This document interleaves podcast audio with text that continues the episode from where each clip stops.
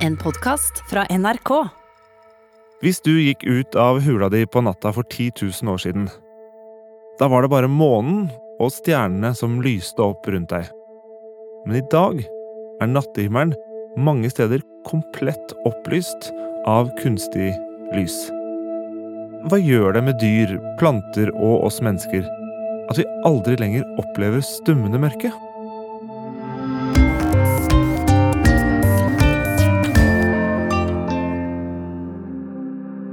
For bare noen dager siden så sa datteren min dette. Så fin som en himmel. Se på stjernene. Som betyr så fint som en himmel, og at hun vil se på stjernene. Treåringen min viste et blaff av interesse for stjernene og, og månen. Og jeg ble skikkelig glad. Dette måtte hun få se. Vi gikk ut døra. Men uansett hvor vi gikk, så var det lys fra vinduer, hagelys, utelys, downlights og uplights og gatelykter. Stjernehimmelen, den var der, det visste jeg. Men vi så den ikke. Det var umulig. Det var for lyst. Mitt navn er Andreas Wahl. Det siste tiåret har jeg prøvd å opplyse folket gjennom TV-ruta. Men selv har jeg savnet mørket. Hvor er det blitt av? Dette burde vært pensum.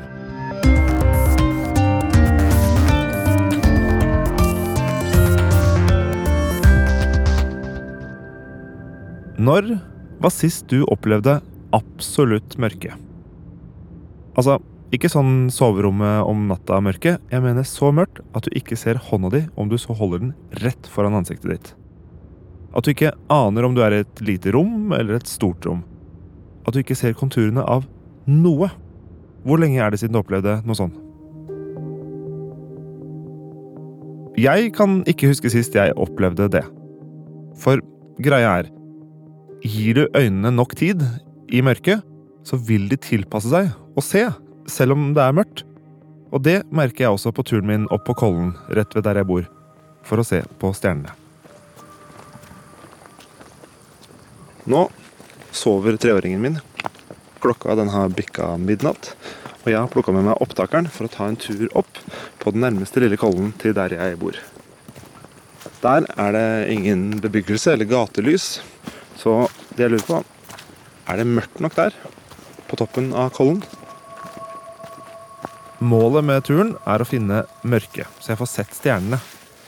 Hver gang jeg kikker ned på den bitte lille skjermen på lydopptakeren her, og så ser opp igjen i naturen, så merker jeg at jeg ser dårligere. Altså Øynene mine trenger noen sekunder, kanskje oppimot minutter, på å tilpasse seg og tilvenne seg og gi meg nattesynet tilbake. For med en gang så ser jeg bare sånn i, i sort-hvitt. Og er det ikke litt rart at du først ikke ser noe, men så blir konturene av ting rundt deg gradvis tydeligere og tydeligere, og det ser du først i sort-hvitt? Og hvorfor det er sånn, det skal du snart få vite. Men først vil jeg at du forstår mer om hva mørket er, og da må jeg ta deg med på en liten tur inn i øyet ditt. Se for deg at du står på badet.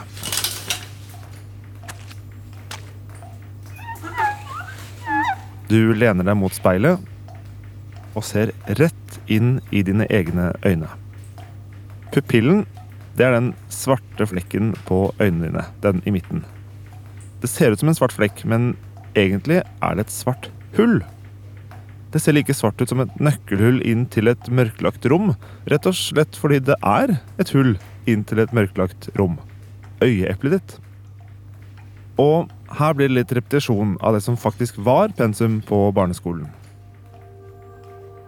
Vi kan bare se dersom det faller nok lys inn gjennom hullet, pupillen, og treffer bakveggen av øyeeplet.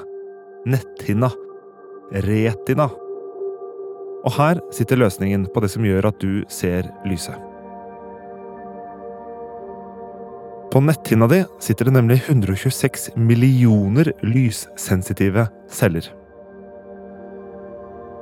Kommer det ikke lys inn gjennom pupillen, så ser det mørkt ut. Og derfor er det riktig å si at vi aldri egentlig ser mørket. Men vi opplever fraværet av lys, da. Mørket sender ingen signaler gjennom pupillen til netthinna bakerst. Det er det bare lys som gjør.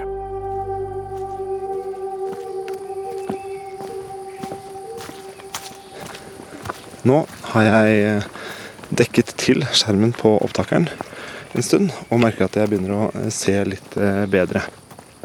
Jeg ser liksom konturene i hvert fall av trærne, så jeg unngår å, å dunke borti Oi, nesten unngår å dunke borti dem. Og jeg går gjennom en liten skog. På toppen vet jeg at det er litt sånn skogfritt og fritt for trær. Og det begynner nå å bli temmelig mørkt ute. I starten ser jeg ikke så mye. Men så skjer det. Gradvis ser jeg mer og mer i mørket. Den raskeste måten øynene våre venner seg til mørket på, det er gjennom å endre størrelsen på den svarte, runde pupillen. Vi gjør liksom vinduet inn i øyet større. Og her blir det gøy, for musklene som åpner og lukker vinduet, de ligger i regnbuehinna, det er den delen rundt den sorte pupillen som gir øynene dine farge. Som har nyanser av brun, grønn og blå, eller gul da om du er vampyr. Det er en muskel med muskelfibre som går fra midten av regnbuehinna, eller kanten av pupillen om du vil, og utover. På latin heter den musculus dilator pupillae, og det er den som utvider pupillen. Og så har vi en ringmuskel som er rund, musculus sphincter pupillae, som trekker pupillen sammen. Du har altså mer enn én lukkemuskel i kroppen. Det tar bare noen sekunder for pupillen å tilpasse seg lys eller mørke. Hold fast eh, øyelokket på en du kjenner godt, og lys rett inn i øyet med lykta på telefonen din, og du kan se det i levende live. Da vil pupillen raskt trekke seg sammen, og tar du lyset bort, så vil pupillen ganske raskt bli stor igjen. Den største endringen i synet skjer de første sekundene og minuttene etter at du skrur av lyset. Derfor trodde jeg inntil nylig at jeg hadde makset nattesynet mitt etter bare noen minutter. Men det viser seg at nattesynet vårt fortsetter, langsomt riktignok, men det fortsetter å bli bedre i flere timer. Men um, nå er det nok om øyet her. Vi er på jakt etter mørke, sånn at vi kan se stjernene. Jeg ble for første gang interessert i mørket etter at jeg leste denne teksten. Se på et satellittbilde av jorda. Der hun før var nattsvart, gløder hun som ei blinkende julekule. Zoomer du inn på en by, ser du flaum og neonlys, lys fra biler og gatelykter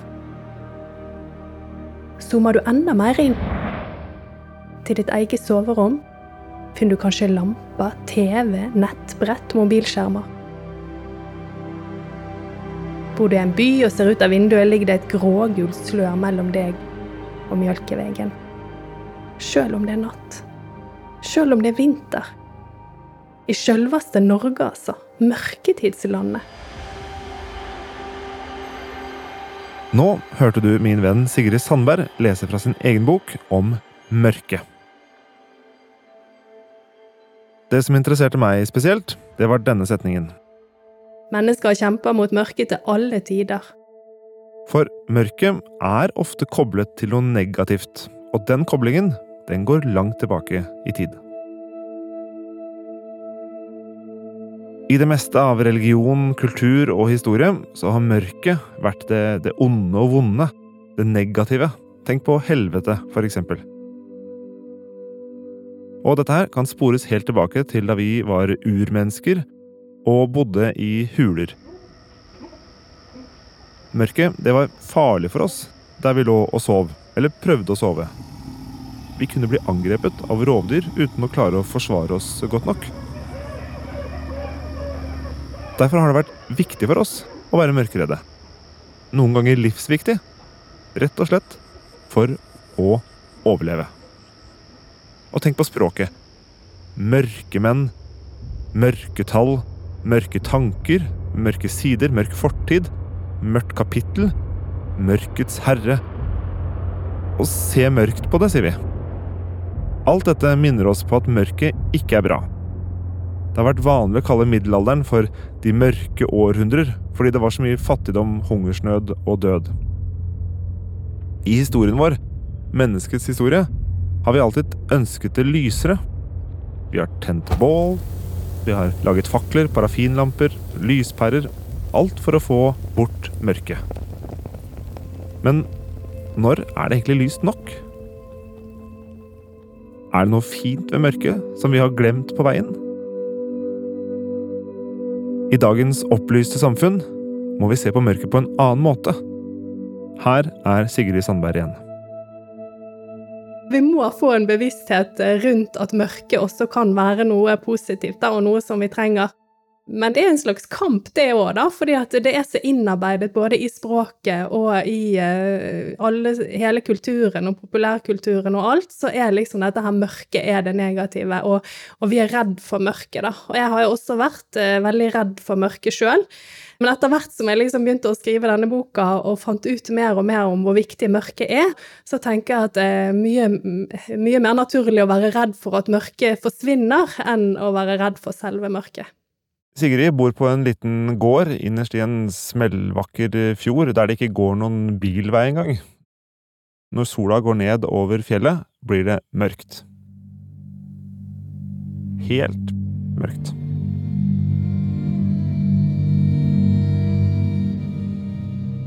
Da blir det jo litt og litt mørkere, selvfølgelig, og så begynner en og en stjerne å poppe frem og himmelen skifter farge.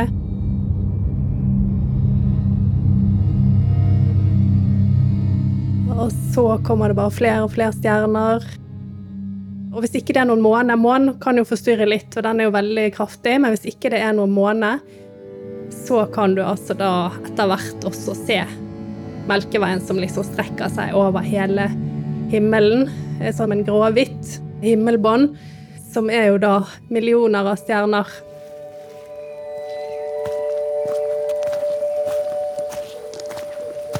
Slipp tak i bildet av Sigrids nydelige himmel, og se heller for deg min mer grågule. Vi skal tilbake til Kollen, i nærheten av der jeg bor.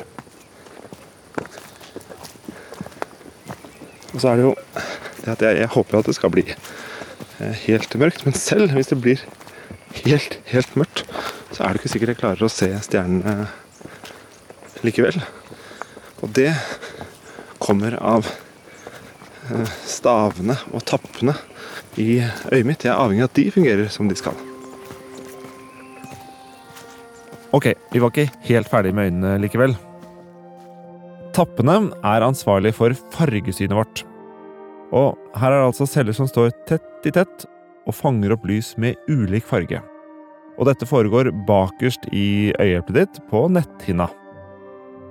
Hos oss mennesker har vi tapper som registrerer rødt, grønt og blått lys. Alle andre farger vi ser, som du ser, de er en kombinasjon av disse tre. Tappene selv kan venne seg til delvis mørke. Tappene inneholder nemlig rodopsin, som er et lyssensitivt kjemikalie som finnes da i øynene våre. Og rodopsin er faktisk så følsomt for lys at under vanlige lysforhold så vil lyset ødelegge det, eller deaktivere det, skru det av. Når vi går rundt i dagslys eller i opplyste rom innendørs, altså det vi gjør store deler av eh, døgnet, så er rodopsinkjemikaliet deaktivert. Men når det blir mørkt, så reparerer og reaktiverer rodopsinet seg. Det tåler altså å bli ødelagt, og når det reparerer seg, så blir tappene igjen følsomme for lys. Og denne prosessen den tar rundt ti minutter. Og Derfor er det at du ser svart-hvitt når du skrur av lyset, og først får fargesynet tilbake litt sånn langsomt over de neste minuttene. Dette kan du prøve selv. Hvis du er i nærheten av et passe lystett rom når du hører på, så kan du være med meg. Gjør det samme med meg. Først må du finne noen gjenstander med lik form, men ulik farge. F.eks. hvis du har noen tusjer som er helt like, eh, men har forskjellig fargedam, eller hvis du er småbarnsforelder sånn som meg, så kan du finne fram lekeklosser.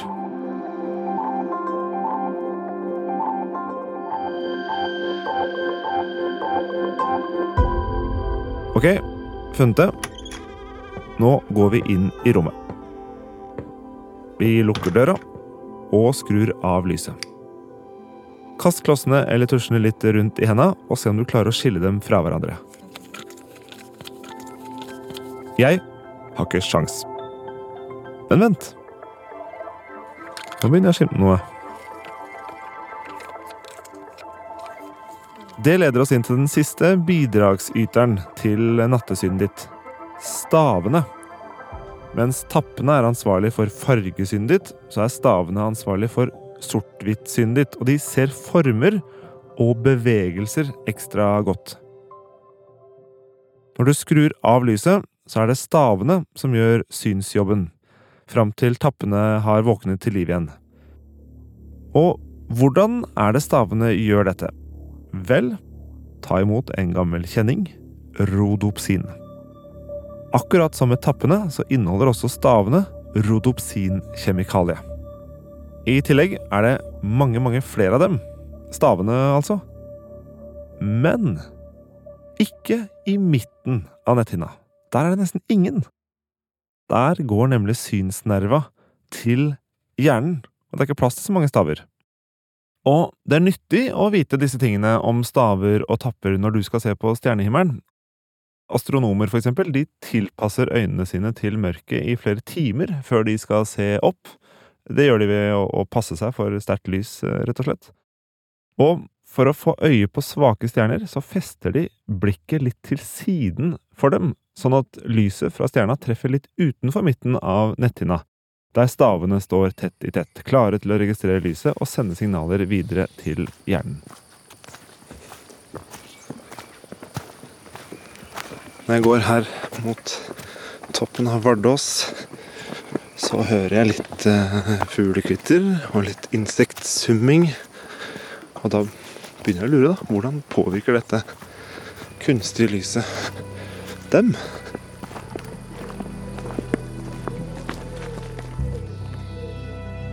I milliarder av år har livet på jorda tilpasset seg den forutsigbare rytmen av natt, dag, natt, dag Det er nærmest skrevet i DNA-et til planter og dyr. Og så kom vi mennesker og fucka opp ved å gjøre natt til dag. Så det blir dag Dag. Dag. Dag. Hva skjer når nattemørket aldri kommer? Ta spurvene, f.eks. Noen av dem blir igjen i Norge for å henge på fuglebrettet ditt, men mange av dem emigrerer til sydligere strøk, til Malaga, Alicante og Kanariøyene. Og til å finne veien bruker de bl.a. lyset fra stjernene og månen. Våre kunstige lys sender dem på bærtur, noen ganger rett inn i lysende bygninger, og de mest uheldige finner vi på bakken neste dag. Trekkfuglene leser også sesongene i omgivelsene sine, og kunstig lys kan få dem til å reise for tidlig eller for seint sånn at de bommer på akkurat det klimaet de trenger for å bygge rede, legge egg eller samle mat. Og vet du hva som skjedde med fuglene da det ble satt opp store lyskastere i New York? Etter terrorangrepene 11.9 mot World Trade Center så ble det laget et minnested med store lyskastere som hvert år, på årsmarkeringen for angrepene, lyser opp mot himmelen der byggene før sto. Eh, kul idé. Men kjeglene av lys som kastes opp mot himmelen, de gjør at fuglene eh, blir forvirra. Lyskjeglene får dem til å fly rundt og rundt i sirkel istedenfor. Og det sliter dem helt ut.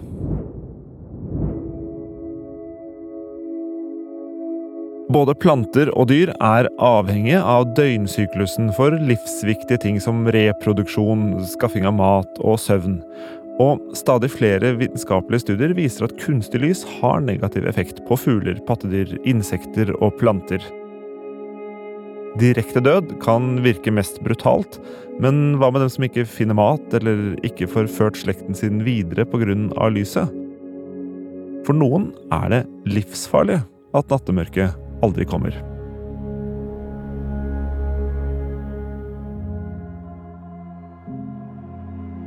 Rovdyra bruker lys til å jakte, og byttedyra bruker mørket til å gjemme seg. Rundt byer kan skydekket nå være flere hundre ganger lysere enn det var før elektrisitetens eh, inntog. Hva, hva vet vi egentlig om effektene av det? Sump og myr bruker frosker og padder natta til å ha sex. Kunstig lys kan, akkurat som hos menneskearten, forstyrre denne aktiviteten. For dem er det blodig alvor, for det ødelegger reproduksjonen.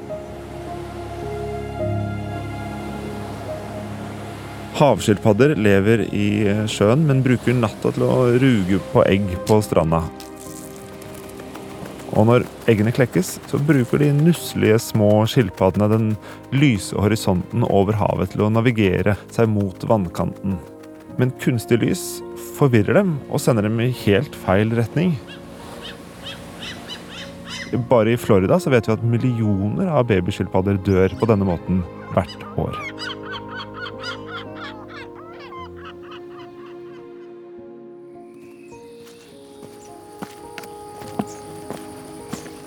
Her oppe er det eh, temmelig mørkt, men for å komme hit så gikk jeg jo eh, litt på en eh, vei også, med gatelys. Da er det helt åpenbart at insektene stimler rundt lyset fra gatelyktene. Som en sånn sverm, nesten. Vi har alle sett insekter rundt lyspæra på natta, og jeg trenger ikke å fortelle deg at de blir forvirra. Vi vet jo også at uh, dalende insektpopulasjoner har store ringvirkninger fordi de er så viktige for andre arter, eller i pollinering, eller som mat. Nesten alt vi dyrker som skal bli til maten vi spiser, trenger å bli pollinert av insekter. Og Derfor bekymrer mange seg over hvordan det kan gå hvis det ikke er nok insekter til å gjøre den pollineringsjobben.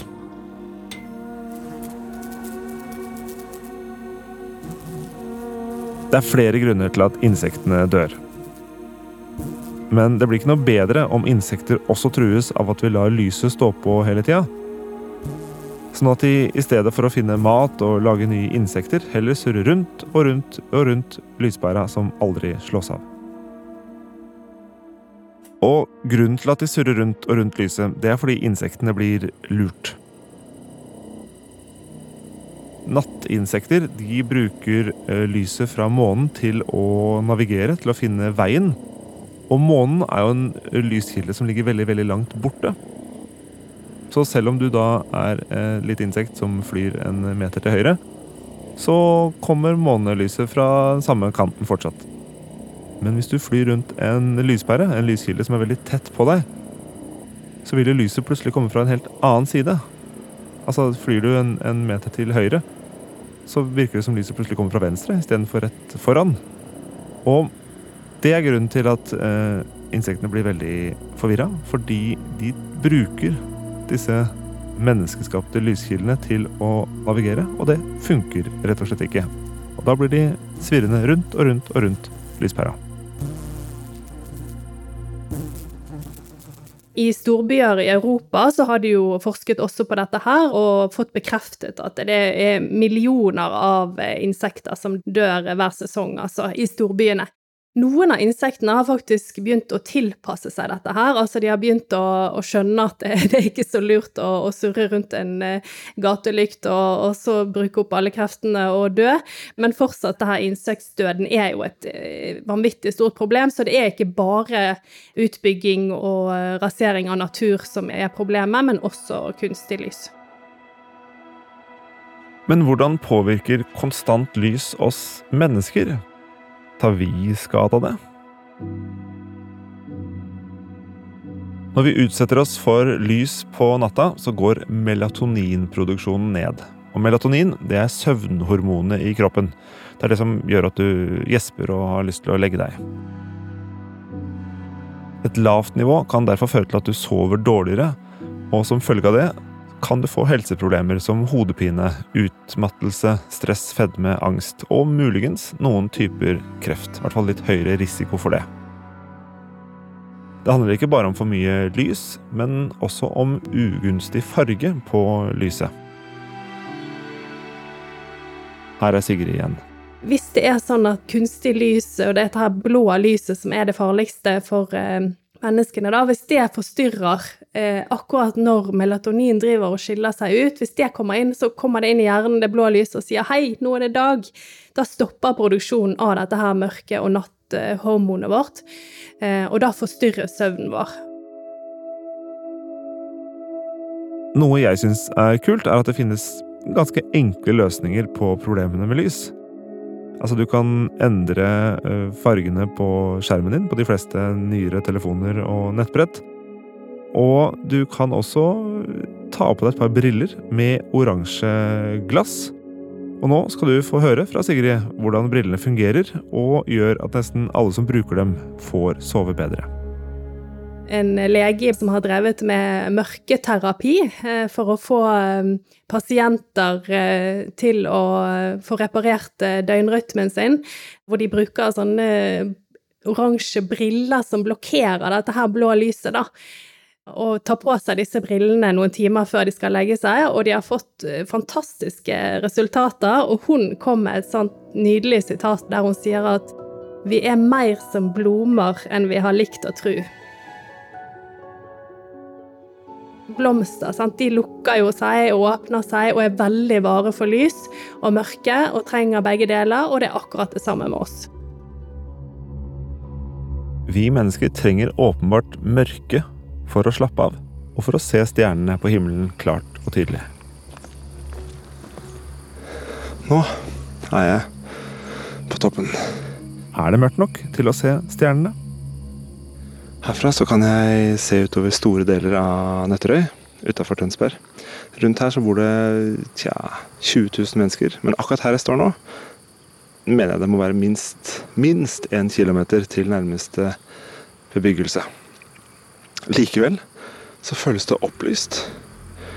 Altså, det er på det mørkeste eh, på døgnet nå. Klokka viser at det skal være helt mørkt. Jeg ser ikke Tønsberg. Men det er ikke noe problem å se hvilken retning byen ligger. For det er sånn gulaktig skjær der borte i horisonten, som en slags kunstig solnedgang. Bare at den ikke går ned. Og bare at den ikke har like fine farger. Er alt dette lyset nødvendig, egentlig?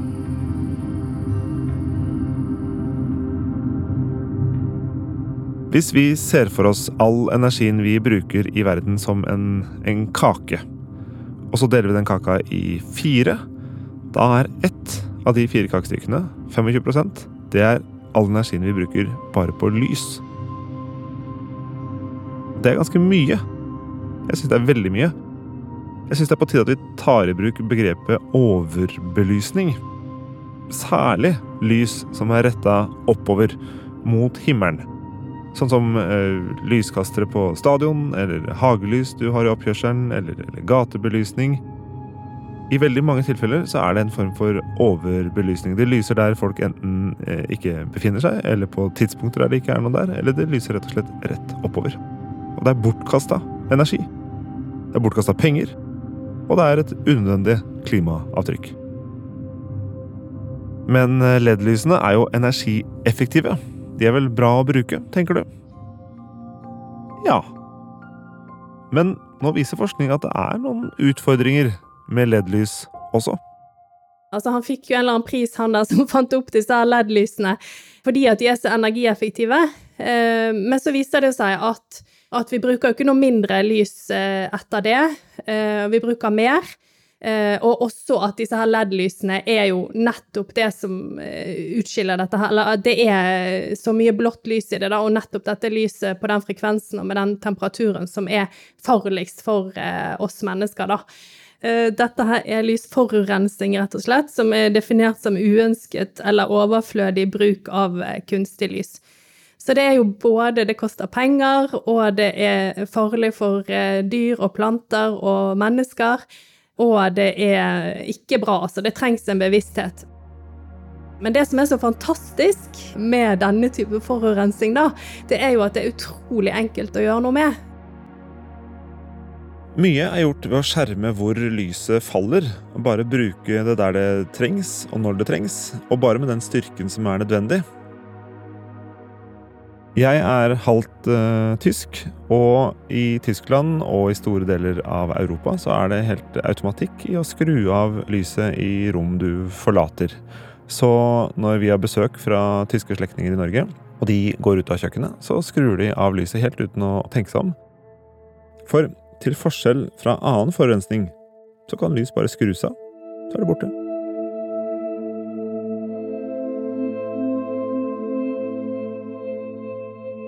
Nå som du forhåpentligvis har blitt litt mer opplyst om mangelen på mørke, så håper jeg du tar med deg følgende videre. 1. Lys er fantastisk. Der det trengs. 2. Å søle lys der det ikke trengs, det er en form for forurensning som påvirker planter, dyr og oss mennesker. Og sist, nummer tre, det er ganske lett å gjøre noe med.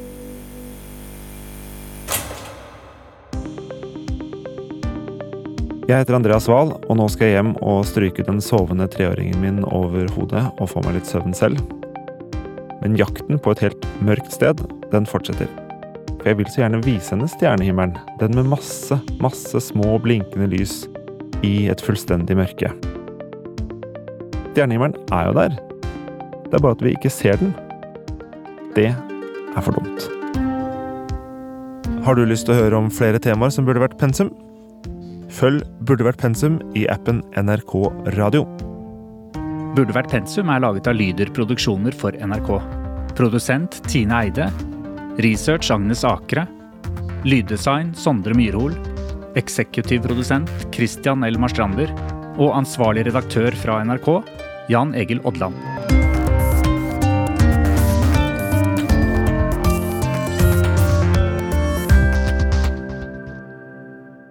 En podkast fra NRK.